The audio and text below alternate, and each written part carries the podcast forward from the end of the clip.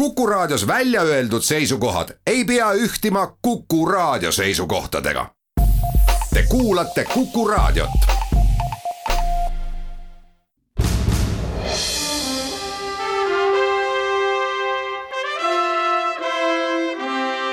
vahetund Postimehega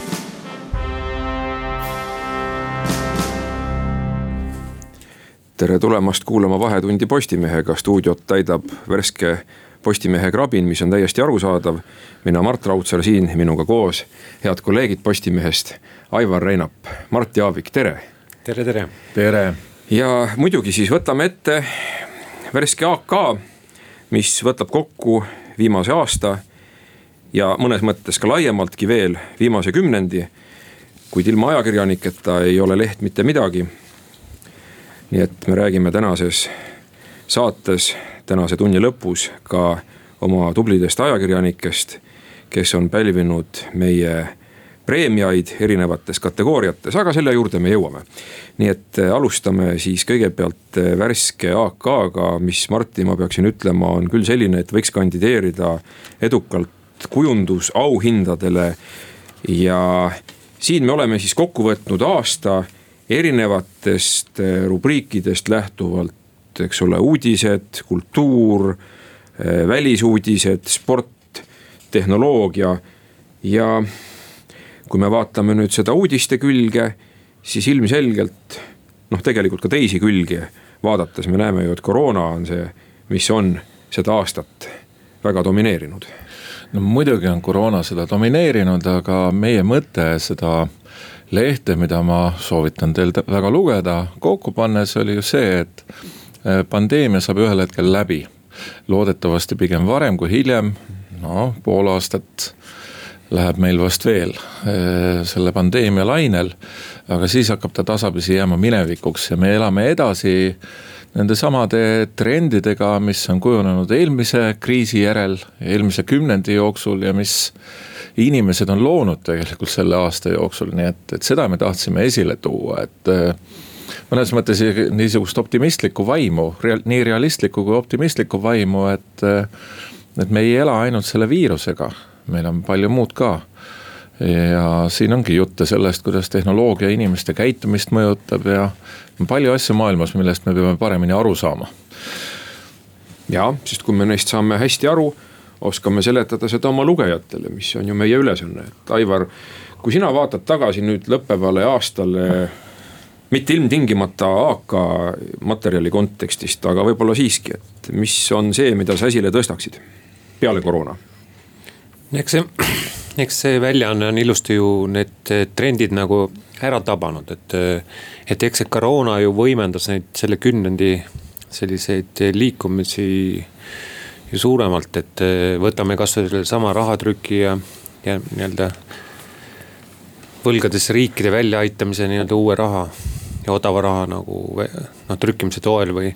või teine asi näiteks siin ka tehnoloogia areng, arengu, et see tehnoloogia erinevates valdkondades eh, tungib peale ja, ja, ja selge see, et, et koroona ajal see võimendus nagu kordades, sellepärast et kui kontakt ei olnud võimalik, et siis eh, ega siis majandus ja, ja, ja inimsuhtlus nagu seisma ei jää, et siis leiduvad ju kogu aeg ka tehnoloogiad, mis kõiki neid vajadusi nagu rahuldavad, et.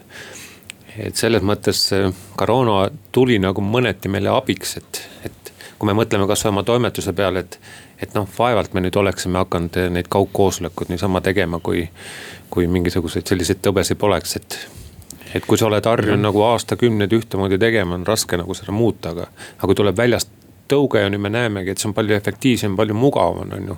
nii-öelda muude vahendite kaudu, et siis eh, tõenäoliselt ühel hetkel hakkab see nii-öelda sättuma, et osad vanast ajast, osad uue, uuest ajast ja leitakse uus tasakaal jälle. aga kui me liigume selle toimetuse siseelu juurest nüüd Eesti elu juurde lõppenud aastal, siis äh, siin on ju mitu suurt küsimust, mida me nüüd ka oma veergudel lahkame, seesama rahatrüki teema, mida sa mainisid, suurepärane Tõnis Oja artikkel. Tõnis Oja ka Põhilehes muide kirjutab meil, räägib eh, pensionifondidest, et kas raha välja võtta või mitte, võib igaüks ise otsustada. mina isiklikult ei võta.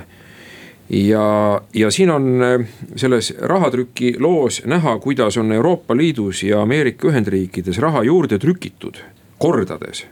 rahamass on suurenenud kordades ja noh, me ju oleme sellel aastal kuulnud Marti korduvalt sellist juttu, et loll on see, kes ei laena. ka riigi tasemel, et me peaksime laenama, ometi juhtkirjas me oleme öelnud ju ka seda, et, et me peaksime elama nii, et ikkagi homne on olemas peaksime elama nii, et homne on olemas ja eks see ongi mingisuguse optimumi leidmine selle vahel, et või küsimus õigupoolest sellest, et mis sa selle rahaga teed. et ma arvan, see varade või säästmise probleem on mõnes mõttes nagu, nagu üldtasemel on lihtsamini öeldav, et. et katsuge soetada mingisugust vara, mis oma väärtust säilitab või, või seda kasvatab, eks ole, üks võimalus on aktsiatesse investeerida ma ei tea, kulda osta, kinnisvara osta ja nii edasi ja nii edasi, eks ole, et, et ega see lihtne ei ole, aga kui sa küsisid Aivarilt, et mis on selle aasta märksõna, siis ma arvan, selle aasta märksõna tegelikult on tehnoloogia ja teaduse optimismi tagasitulek. usk teadusesse on taastumas? Eh, on eh, kindlasti taastumas, et vaadake see mRNA vaktsiin, mida siis esimesed turule jõudjad Moderna ja, ja Pfizer ja BioNTech eh, peame kasutavad. kuulajale seletama, mida see tähendab, see lühend, mis sa ütlesid. See tähendab põhimõtteliselt see vaktsiin, mRNA on eh, siis virgats eh, RNA või, või jupikene, mis kannab raku tuumast informatsiooni rakku. ja see on põhimõtteliselt teistsugune vaktsiinitehnoloogia, kui on varem kasutusel olnud. aga samas see tehnoloogia nagu idud või algmed olid ju olemas väga pikka, päris pikka aega, aastakümneid. aga see on nüüd tulnud kasutusele, et mida ma tahan öelda, on see, et et eh, need on asjad, millele meie ülejäänud ei pööranud tähelepanu, vaatasime rohkem jalgpalli ja, ja rallit ja muud sellist, aga kuskil on teadlased töötanud selleks, et nüüd oli võimalik aastaga tulla välja nende asjadega. Või, või siis minu pärast ka geenisekveneerimine ja nii edasi, et meil on informatsioon olemas. aga jalgpallile ja rallile lisaks kuulame nüüd vahele kaubanduslikke teadaandeid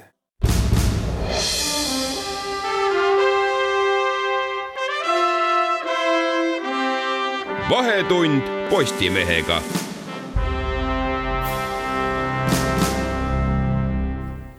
vahetund Postimehega jätkab ja stuudios on kolm Postimehe tegijat. mina olen Mart Raudsaar ja minuga koos stuudios Aivar Rennap ja Mart Jaavik ja just enne reklaamipausi me rääkisime Martti sinuga sellest, et inimeste usk teadusesse on naasnud. et vaktsiinide suhteliselt kiire tulek näitab, et teadus on suuteline keerulisi probleeme lahendama ja sellest kõigest ju räägib meie uus AK no eks ta räägib ja, ja veel põnevamatest asjadest, et eh, CRISPR tehnoloogia mis teeb ka inimesi mõnes mõttes elu peremeheks. mis see nüüd on? Äh, see on geenide lõikamise ja, ja juurde kleepimise tehnoloogia, kui hästi lihtsus, lihtsustatult öelda. kas ma saan endale saadi... mingisuguseid uusi omadusi tänu sellele, ma lõõbingi no, praegu äh, natuke. lõõpimisi võib vastu öelda, et jah, jah saad okay.. aga et selle eest saadi ju see aasta Nobeli preemia, siin Jaak Vilo kirjutab, kuidas on äh, välja tuldud kuidas tehisintellekt on siis valgumudeleid, keerulisi valgumudeleid suuteline kokku panema paremini kui katseliselt. või ütleme vähemalt samal tasemel, kui pikkade-pikkade eksperimentide käigus välja selgitatakse ja nii edasi, nii et.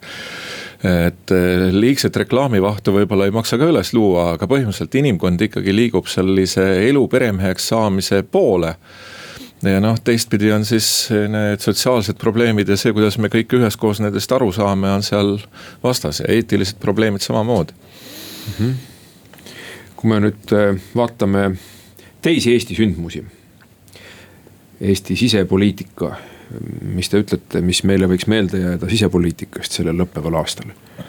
no iseenesest selle Marti jutu taustal on ju, kus äh, me räägime suurtest edusammudest ja, ja, ja teadvuse ja, ja teadmiste võidus ja kõik, kõigest sellest on ju siis, siis paraku noh, eks me siis äh, sellest sisepoliitikasse jõudsime nagu allapoole sellise väiksema ühisnimetaja juurde, et. et räägime taas sellistest põhiväärtustest on ju, et ma ei tea, et, et kas siis abielu on mehe ja naise vahel või ei ole nagu ei pea, pea olema, et. et kahtlemata on see väga oluline küsimus selle nii-öelda selliste geenide lõikamiste ja, ja mingite ai ehk tehisintellektide taustal, et. et eks kõik ole maailmas tasakaalus, et, et mida, mida kõr-, kaugemale või kõrgemale ette nagu tead-, teadlased jooksevad, seda, seda, seda võib-olla ma, maha jäävad need tavalised inimesed on ju, et siis. kuna elu neid..., Aivar, kuna elu muutub nii kiiresti, kas ma tajun õigesti, natuke irooniat sinu jutus, et igaks juhuks ütleme, tänapäeva inimene ei pruugi alati tajuda irooniat, pärast tulevad kirjad, et millest te räägite siin stuudios. aga noh, kirjad tulevad nagunii, aga no see kuulub elu juurde. aga et kui me mõtleme olulistele teemadele, siis minu meelest on üks hästi oluline teema see, mida ju keegi teist ka siin saate alguses, esimeses pooles ütles, et või viitas sellele, et me peaksime küsima, kuidas me seda raha kasutame. mis meil nüüd Eestis on, et meil on ikkagi märkimisväärne hulk laenuraha.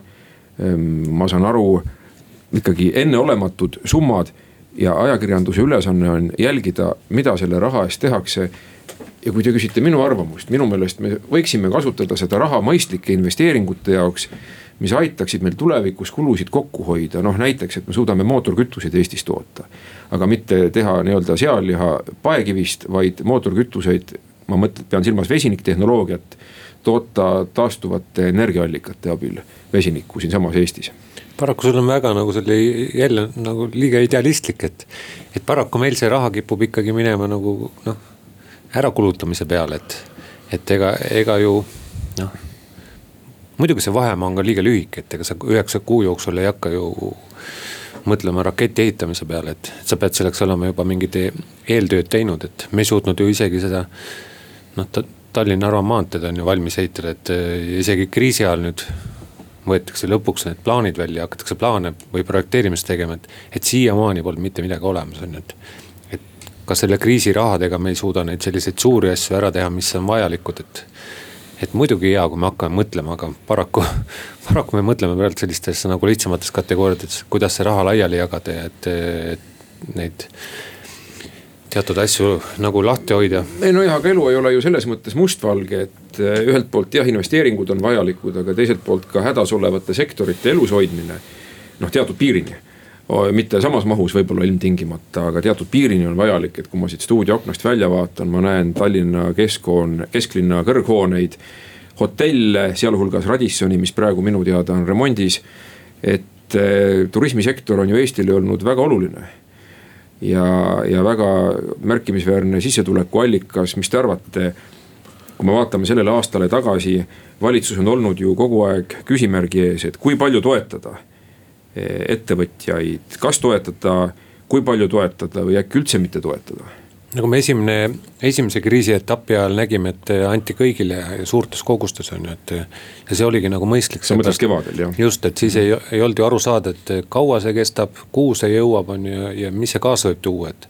aga nüüd teises etapis on kohe näha, et valitsus on olnud palju ettevaatlikum erinevate piirangute ja kitsenduste panemisel, sellepärast et. et kui sa juba paned mingid ärid kinni, siis juba tekib õigustatud ootus ka toetustele, et.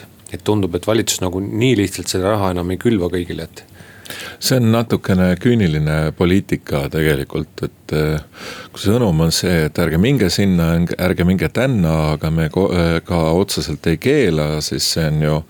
see seda tähendabki, et, et me tegelikult keelame Äh, või ütleme, et ärge kasutage selle inimese teenuseid või selle ettevõtte teenuseid.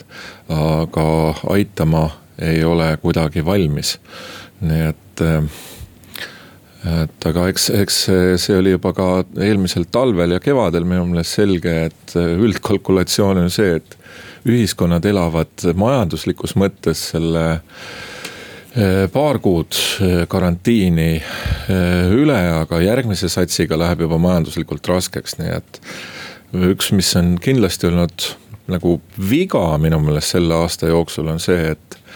Et neid ilmselgeid kalkulatsioone pole ikkagi au, ausalt või nagu seda ilmselgelt strateegilist mõtet pole ausalt välja öeldud. et valitsus on rääkinud sellest, kuidas ai, ai, ai, me teeme kõik teistmoodi kui mingisuguse varasema kriisi ajal, mis oli absoluutselt teistsugune kriis, eks. aga mis on selle kriisi loogika, ma ei ole kuulnud meie valitsuse eh, ametnikelt peale loosungite, et, et alguses keegi, keegi ei tohi ära surra. Eh, kõiki aidatakse, teeme teistmoodi kui eelmised. Ja nüüd see lõpptulemus on see, et, et me näeme ikkagi ta läheb seda loogilist rada pidi, kus äh, püütakse vältida äh, sektorite abistamist või nagu suuremahulist riiklikku toetamist. Nojah, aga me ei saa ju päris riigikapitalismi ka teha, et kus peaks ja, olema see piir, et ma, ma nõustun, et toetada tuleb. ja, ja igal juhul on riigi huvides see, et eh, siin Tallinna kesklinna hotellid või minu pärast ka Tallink välja ei sureks.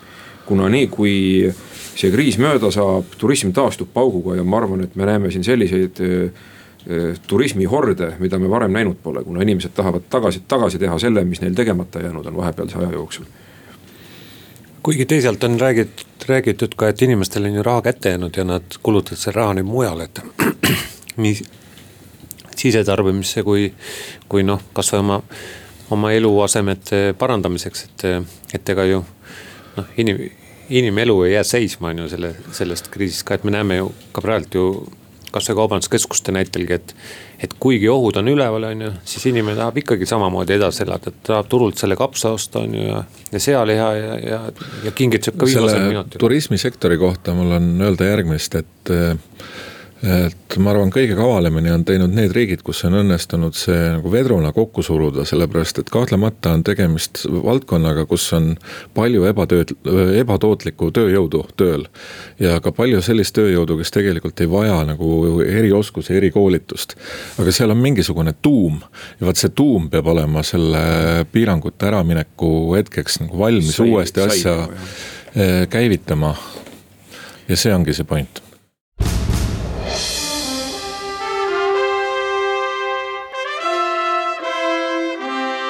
vahetund Postimehega.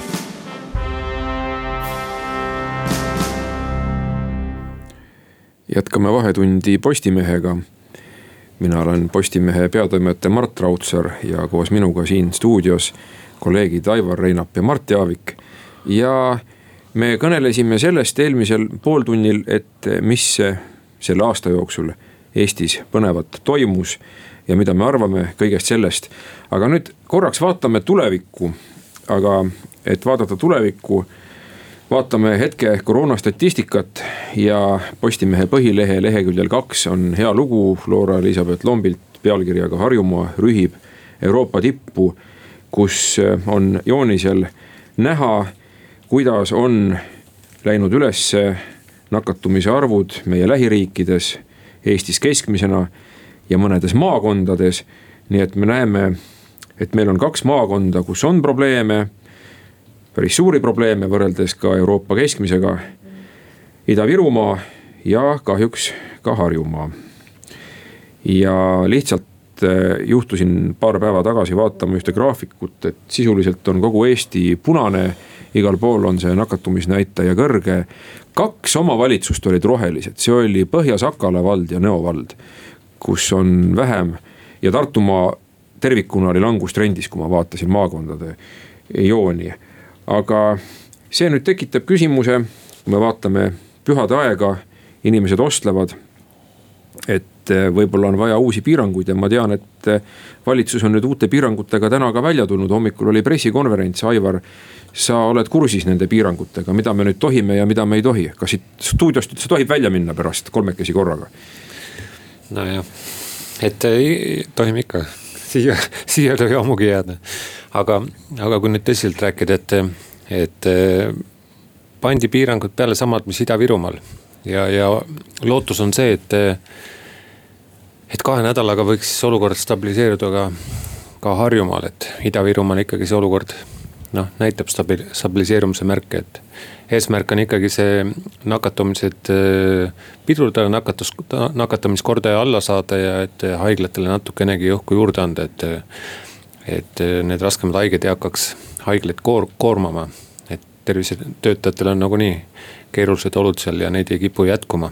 aga piirangute mõttes siis erinevad meelelahutusasutused, nii bowlingusaalid, muuseumid näitused ja kinod ja, ja, ja teatrid on ju, et. Lähevad kinni. et ikkagi piiratakse jah seda, et, et ainsana jäeti siin viiekümne protsendilise täitu-, täitumise nõue nüüd siis kirikutele, et. et ju siis see jõulujumala teenistus on nii oluline, et, et see ei kaalu seda tervise või nakatumisriski ülesse. aga ka spordiklubid näiteks kinni, mis iseenesest on tekitanud siin juba selliseid küsimusi on ju, et et ei ole nagu väga kuulda olnud, et oleks mingisuguse spordisaali kolle näiteks või. et seal on ikkagi ju, no spordisaalis käivad reeglina ikkagi ju tervemad inimesed ja, ja, ja, ja noh, seal ikkagi jälgitakse neid, ma isegi olen käinud, et. et puhastatakse seadmeid, hoitakse inimestest eemale, on ju mm -hmm., noh. see kartus, et riietusruumis puututakse kokku ja seal hakkab levima, et no ei puutu väga kokku, on ju, et kui sa just grupitrennides ei käi, aga grupitrennid on niigi olnud piiratud juba ja. Uut, uute reeglite järgi õues võid ikkagi teha kümne inimesega trenni, et. et see ja seegi, et, et me nüüd täitsa nagu sellesse kevadesse olukorda ei sattunud, kus, kus ei tohtinud üldse. et mis iseenesest on ju, ju arusaamatu, et värskes õhus ju võiks ju inimesed ju koos liikuda, kui nad tahavad seda teha, et see ju pigem toob tervist, kui viib seda, et. nii et need reeglid tasub järgida ja vaadata, ka restoranid ja söögikohad on ju, et hakkab jälle see koju tellimine ja muu asi. Lähevad kinni, restoranid, söögikohad. et. Äh, sain ma sinust õigesti aru? just, seal on mm -hmm. nii kirjas, et mm. -hmm et sellised erinevad piirangud, mis, mis ka kevadest on meeles, et, et ikkagi kõik, mis võimalik kinni, aga kaubanduskeskused jäeti lahti. ja see põhjendus oli siis, et, et kaubandusturismi hoida nagu elus, aga, aga noh, eks ta natukene selline nii ja naa ole, et, pigem on siin tõenäoliselt mõeldud seda, et, et kauplustele ja kaubanduskeskustele on see aasta tippaeg on ju, mis hetkel käib ja. et kui, kui nüüd praegu see kaigasse nagu odarasse panna, et see võib suurema paugu tekitada, kui nüüd võib-olla pärast seda ostupüha panna kinni mingiks ajaks võib-olla karmimate piirangutega, et. et võib-olla loodetakse, et selle ühe nädala elab siis ära, aga eks ta natuke selline küüniline ole, et. et kui me teame, et ma, maja põleb, on ju, siis siis ootame natukene kustutamisega, et siis teame ise, mis, mis see kaasa toob. no see ongi Inglismaa näide, et kus siis ju peaminister Boris Johnson lubas jõuludeks natuke lõdvemaid reegleid, kuid kolm päeva peale seda lubadust vastupidi tuli karmistada reegleid, et olukord läks vahepeal hullemaks, kuigi ma ei väida ilmtingimata, et see olukord oleks Eesti praeguse olukorraga paralleel, kuna väidetavalt on ka avastatud üks uus viirustüvi Suurbritannias, mis levib kergemini. Kas see nii on või ei, eks lähipäevad annavad meile arutust, aga Martin, mis sa arvad nende piirangute osas, et ma arvan, et mingisugused piirangud kahtlemata on mõistlikud. me oleme kohandunud selle viirusega võrreldes kevadega, me ei kehtesta enam lauspiiranguid aga aga ütleme, kus on see tasakaal niisuguse no, mõistlikkuse? Äh, Aivar juba ütles ja ma arvan, kõik inimesed peaksid sellest äh, väga selgelt aru saama, et mis on nende piirangute mõte, mis oli eriolukorra mõte ja karantiinide mõte kevadest või sellest talvest peale ja see on täpselt üks ja sama asi, et meditsiinisüsteem ei kukuks kokku ja meditsiinisüsteemil meil on ju palju need spetsialistid rääkinud, eks ole, on mingisugune piirarv, millega saadakse hakkama. siis järgmine stress tuleb sellest, kui meditsiinitöötajad ise langevad välja, kas koroonasse nakatudes või vot seal on põhjust stressist rääkida, kui sa hommikust õhtuni oled nendes maskides, näed kõike seda, mis seal haiglas toimub nii et äh, mina ei noriks erinevalt äh, väga paljudest teistest nende üksikute piirangute kallal, et tähtis on see, et me saaksime selle nakatumismäära alla niimoodi. et meie haiglad saavad edasi töötada ja meedikud. Ja et nad alles, alles jäävad, nii et ju siin on mõistlikke elemente ja ebamõistlikke elemente, nagu ma enne ütlesin, siis siin on ka natukene sellist kahepalgelisust. Mitte natukene, vaid päris palju, aga eesmärk on väga selge. Mm. -hmm ei, nagu ütleb üks laulusalm, ei ole üksi ükski maa, et me peame kindlasti hoidma fookuses Ida-Virumaal toimuvat ja toetama ülejäänud Eesti poolt eh, sealset eh, elu. seal haiglas on ikkagi olukord väga raske. on võib-olla seal sadakond nakatanut haigla töötajate seas. ja me siin kirjutame ka sellest, et äh, on äh, Ida-Virumaa Keskhaiglale tehtud üks tänukingitus. mis täpsemalt, kelle poolt, seda, seda saab siit lugeda. aga ilmselgelt äh, me peame seda teemat hoidma, hoidma fookuses, et ei oleks olukorda, kus noh, idavirumaalased on niigi tundnud alati, et et nad on selline natuke hüljatud kant, et ei oleks niisugust olukorda, kus me praegu neid nüüd selle hädaga üksi jätame. no ma arvan, seda kindlasti ei juhtu ja, ja mis puutub alati, kui me käsitleme mingisugust regionaalpoliitilist teemat. siis heal juhul jõutakse välja selleni, et vaadata, kui palju tegelikult on ühte või teise piirkonda raha läinud ja ma arvan, et et seda me, me oleme Eesti riigi suhtes ebaõiglased, kui me jätame sellise mulje, et siin Ida-Virumaale või ka Lõuna-Eestisse pole läinud regionaalpoliitilisi toetusi ja raha, seda on kogu aeg läinud. ja ma ei usu seda, et, et Eesti riik Ida-Virumaa kuidagi üksi jätab. et ma loodan, et ma ei ole as liiga asjatundmatu siin, aga lõpuks eh, kõrvalt vaadates ju mõtleme kasvõi sellele, et eh, ka kaitseväe välihaigla on siiamaani ju veel eh, taskust, taskust välja võtmata mm -hmm. trump. eks, ma loodan, et, et need reservid on kuskil olemas siis väejuhtidel tegelikult no Ida-Virumaal ei olnud ju probleeme ju voodikohtadega, vaid pigem oli ju meditsiinipersonaliga, et.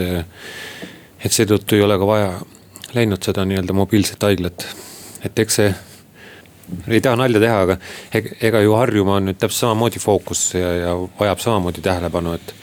teisest küljest on siin muidugi ressursid ja, ja võimalused ka hästi suured, et, et, et võib-olla ei saa nii täpselt ka, ka võrrelda seda. siin on suurhaiglad jah. jah Läheme nüüd väikesele pausile, et peale seda on aasta juba Postimehe selle aasta paremate lugude ja ka fookusteemade kirjeldamise juurde.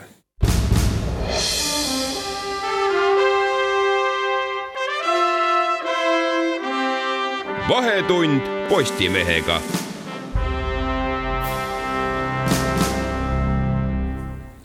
tuleme nüüd selle aasta Postimehe paremate lugude juurde. mina olen Mart Raudsaar, minuga koos stuudios Aivar Reinap ja Mart Jaavik. kes me kõik olime žüriis, kes luges neid lugusid, sadakond lugu esitati nii toimetuste poolt, kui ma saan aru, ajakirjanikud ka ise võisid siin soovitada lugusid, et sadakond head lugu nendest eh, tuhandetest, eh, mida me oleme aasta jooksul näinud. ja nüüd on žürii, muidugi žürii oli suurem kui ainult meie kolm aga žürii otsus on langenud ja on valitud tõesti parimad lood ja räägime neist nüüd põgusalt, Aivar, et kõigepealt, mis, kuidas teie kommentaar on sellel aastal, et alati öeldakse ju, et lõikus oli hea. minu meelest oli tõesti nii, et see kriis stimuleeris meid minu meelest tegema väga head ajakirjandust. eks võib muidugi öelda, et toimetuse koosseis on ju sel aastal suhteliselt suurelt ju muutunud, et. et võis ju karta, et, et sisulise poole pealt olid tagasilöögid, aga, aga kui nüüd neid lugusid lugeda ja vaadata sellist üldpilti, et siis minu meelest Postimees elab ikkagi ja, ja õitseb edasi, et, et kui vaadata nii-öelda uudiste poole pealt või sellise noh, nii-öelda ühiskonda muutva või, või, või oluliste teemade püsitamise koha pealt, et. et sa ju isegi täna selles AK eriväljaandes ju seda metsateemat ju analüüsid on ju, et, et Ülle Harju, kes kes liitus meie ridadega. noh, ta ei ole Tallinnast, mis on alati nagu tugevus. Et, et kõik inimesed ei ole Tallinnast, ei mõtle täpselt samamoodi kui, kui su pinginaaber seal kõrval, vaid on. on nii-öelda maa keskelt ja saab aru, mis inimestel oluline, et, et siis Ülle Harju võttis selle metsateema ette ja, ja, ja, ja ei andnud alla, et et see, see oli keeruline teema on ju, sellepärast et infot oli väga erinevat moodi. ja, ja kui riigi poolt tuli kogu aeg selline sein ette on ju, et siis, siis noh, tihti ajakirjanikud murduvad ja loobuvad sellest, aga, aga Ülle jätkas nende teemade otsimist, küsimist ja, ja, ja lõpuks ikkagi minu meelest, kui me vaatame nagu aastale tagasi, et siis minu meelest selline ühiskonnas selline teadmiste nii-öelda murrang on toimunud, et saadakse ikkagi aru, et metsaga on probleem, on ju, sellisel kujul edasi minna ei saa ja. ja tuleb ikkagi, tuleb ikkagi uuesti minna pulkade juurde ja vaadata siis palju siin raiutakse, palju juurde kasvab ja mis see nagu lõplik seis on ja. ja, ja mida me üldse metsalt tahame. Mis on meie eesmärk metsa majandamisel, et eh, kindlasti väga hea ja huvitav sari ja teemaga me jätkame aga. mina tõstaks veel selle metsasarja juures esile seda, et, et noh, põhiline saavutus metsa üle ja raiemahtude ja kõige selle üle me oleme ju aastaid siin vaielnud kogu ühiskonnas. aga Ülle on väga hästi leidnud üles need kohad, kus tuleb eh, ametkondadelt infot küsida ja on üles leidnud need kohad, kus süstemaatiliselt midagi varjatakse, ükskõik mis selle põhjendus siis on ja tegelikult murdnud terve ühiskonna jaoks lahti osa siis seda metsa puudutavat informatsiooni, vot see on kõige suurem saavutus minu meelest. kahtlemata räägime teistest kategooriatest, meil on siin äh, lisaks uudiste kategooriale, millest me just rääkisime, arvamuskategooria. Mille võitjaks on meie lugupeetud Tõnis Oja majandustoimetuse Raudvara loo pealkiri. nüüd on tõesti teisiti ja see lugu räägib, et käimasolev parajasti see kriis, milles me elame, on teistsugune kui varasemad kriisid. just see eks, eks iga lugu ja arvamus pead vaatama selles ajas, millal need kirjutatud on, et. et Tõnise lugu oli seal aprilli alguses, kui, kui kriis oli, oli just puhkenud, et. ja, ja ta vaatas siis nagu, nagu noh, natuke kaugema pilguga, et, et kas, kas oli siis võimalik selle edasi, ette, ette näha, et, et. ja võrdles nende varasemate kriisidega, et, et kõik need kriisid tulevad nagu ootamatult, et alati nagu eeldatakse, et et see järgmine kriis tuleb umbes sarnane nagu eelmine, et, et valmistatakse ette selleks, et õpitakse eelmisest kriisist ja tehakse siis teatud muutusi, ma ei tea, seadusandluses või, või mingites süsteemides. aga paraku on alati niimoodi, et, et see suur kriis tuleb, tuleb ikkagi ootamatult ja tuleb hoopis sellises kohas, kus ei olda valmis. ja eks see kriisi ju mõte ongi, et ta lööb sisse sealt, kus, mida sa ei oota ja, ja Tõnis siis, siis ilusti analüüsis, et, et mis järelmid on ja kuidas see nii-öelda laabub ja, ja kui nüüd täna ka lugeda sedasama teksti, ma ennem seda, seda raadiosaadet ka vaatasin, et, et. Tõnis nägi hästi ette, et ta küll ei rääkinud seal sellest teisest lainest, vaid, vaid rääkis sellest nii-öelda majanduse taastumisest ja, ja kõigest sellest, mis minu meelest ongi läinud ju, ju täppi, et ei ole olnud selliseid suuri krahhe, vaid. vaid majandus on ikkagi püsinud jalgadel, teatud sektorid on pihta saanud, aga, aga suures plaanis on, on ikkagi läinud, läinud suhteliselt hästi meil. ja, olemuslugu Kaur Maranilt, Postimehe pealkirjaga siis Postimehe analüüs. see ei lõppe veel niipea, kus ta tohutult analüüsis erinevaid andmeid, koroonastatistikat ja rääkis oli, nii Eesti kui välismaa just, asjatundjatega ja nii edasi. mis oli minu meelest üks kesksemaid ja paremaid eh, niisugusi ülevaate, kokkuvõtte lugusid selles varases faasis, kriisi varases faasis see oli jah kirjutatud märtsis isegi ja, ja, ja mis seda nagu lugu iseloomustab, et, et Kaur, ta on meie teadus, teadustoimetaja, ajakirjanik. et, et sel hetkel, kus oli kõige rohkem segadust, et me ütlesimegi Kaurile, et on ju, et, et kirjelda siis, mis olukord on ja mis, mis teadmised maailmas on, et, et, et sel hetkel ju tuli nende uudiste kaudu väga nagu sellist noh arusaamatut ja, ja, ja katkendlikku informatsiooni ja, ja raske oli suurt pilti kokku panna. ja Kaur võttis selle aja ja, ja kirjutas selle kokku, et soovitan kõigil vaadata, et seal on nii graafikud peal, on ju. hästi palju viiteid välisallikatele, et, et suurepärane selline nii-öelda kirjeldus kogu sellele kriisile ja kui ma eile Kauriga sellesama preemia välja, väljakuulutamisel talle nagu intervjuu tegin, siis ta ütles, et, et ta on nüüd et see on, see on tema kõige nagu seni, seni, senise karjääri nagu kõige raskem töö olnud ja, ja ta on, ta on seda nüüd teatud aja tagant jälle lugenud ja vaadanud, et kas ta pani mõt-, mööda kuskil või mitte. ja, ja ta eile ütles, et ei, et, et siiani on ikkagi noh, see suur pilt ja kõik ikkagi nagu täppi läinud, et, et suurepärane töö kahtlemata. kuna saate lõpp tuleb kiiresti lähemale, loeme siit ette veel auhinna saajaid kiiresti, meil on siin tubli vene toimetus, parim venekeelne arvamus. Eh, Irina Kablukova on saanud auhinna ja parima venekeelse loo eest Sofia Soldatenko. Eh, parim foto Madis Veltmanilt, tuletame meelde, see oli siis Martin Helme hiljaaegu tehtud foto. Martin Helmest, kes jälgis riigikogu rõdult abieluküsitluse hääletamist saalis parim video ja sa tahad lisada, Aivar? jah, et kui ma eile Madisega ka rääkisin, et siis äh, Madis kirjeldaski, et kuidas see pilt sündis, et, et äh, ta ütleski, et see on, et kohati on äh, fotograafia niimoodi, et sul peavad olema kogemused, aga sul peab olema ka selline juhus. ja ta ütles, et tema nagu see noh, võidujuhus oligi see, et tal oli õige objektiiv kaasas ja ta oli õigel ajal õiges kohas, et konkurendid tulid, ühel konkurendil ei olnud sellist objektiivi, millega oleks võimalik olnud seda pilti teha. tuletame meelde, see oli Martin Helme vaatas sealt riigikogu rõdult eh, riigikogu saadikute poole, kui toimus abielureferendumi hääletus. ja see tõesti mõjus nagu selline noh, nii-öelda noh. jõuline figuur rõdul vaatab Klassik, siis. klassikaline diktaatori foto, eks. ja, ja, ja teine toimetus tuli hilja, kus ta oli juba sealt äh, asendist ära läinud ja, ja ei saanud ja meil on see pilt ja teistel ei ole mm. -hmm. siis äh, parim videolugu Sander Punamäelt ja Erik Tikanilt. Parim videoprojekt, koroonavideo, mille tegi Endel Kasterpalu. siis äh, tasub mainida meil kindlasti multimeedia lugusid koroonastatistikat Arne Seppeli ja Heleri Kurise käe alt. ja kindlasti peaksime mainima ka küljendajat Toivo Luhti, kes on tulnud meile nüüd sellel aastal. ja kasvõi sellesama värske AK näitel me näeme, et mees teeb ägedaid, ägedaid asju. ning meie hea keeletoimetaja Sirje Müür on pälvinud ka toimetuse märkamist ja tänu. nii, nii et ma arvan, et see aasta on olnud meile kõigile edukas. aitäh teile ja jõudu-jaksu siis eh, kogu toimetusele ja soovime ka meie headele kuulajatele head jõuluaega ja meeldivat aastavahetust.